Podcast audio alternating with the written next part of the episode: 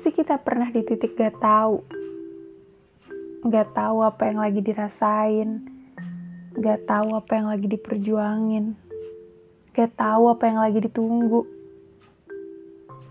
Rasanya kayak kayak hambar. Kosong. Hampa. Gak ada isinya gitu. Mau diisi tapi gak bisa keisi mau nggak diisi tapi pengen diisi? Serba salah. Serba bingung. Serba nggak mau. Karena banyak takutnya. Banyak ragunya. Banyak pertimbangannya. Tapi kita nggak pernah bisa maksa. Nggak pernah bisa buat terus menerus minta minta biar dia sayang sama kita, suka sama kita, cinta sama kita. Gak bisa.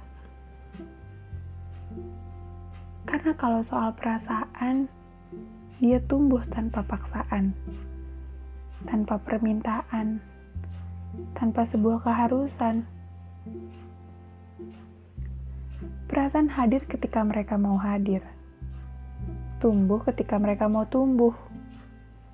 Kalau enggak, ya enggak. Karena perasaan bukan perihal pemaksaan, tapi sebuah ketulusan.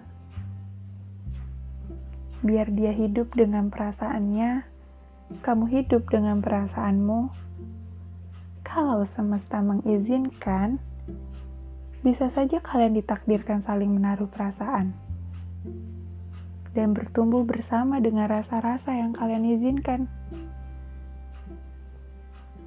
Kita nggak pernah tahu siapa seseorang di sana yang dalam diamnya menyimpan sebuah rasa penuh tulus, penuh doa.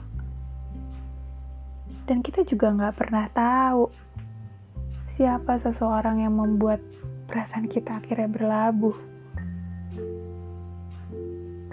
Jadi, selama kita masih mampu merasakan perasaan-perasaan yang beberapa orang mungkin sulit untuk dirasakan, dinikmatilah. Entah mencintai tanpa dicintai, mencintai dalam diam, sakit bahkan patah yang susah sembuh, kecewa yang terus berulang, sesak yang gak pernah habis,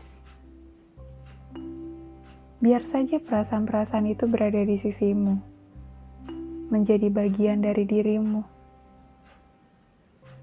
Karena terkadang perasaan juga bagian dari proses pendewasaan. Menjadikan hatimu lebih lapang, sabarmu lebih luas, dan ikhlas menjadi puncak sebuah ketegaran.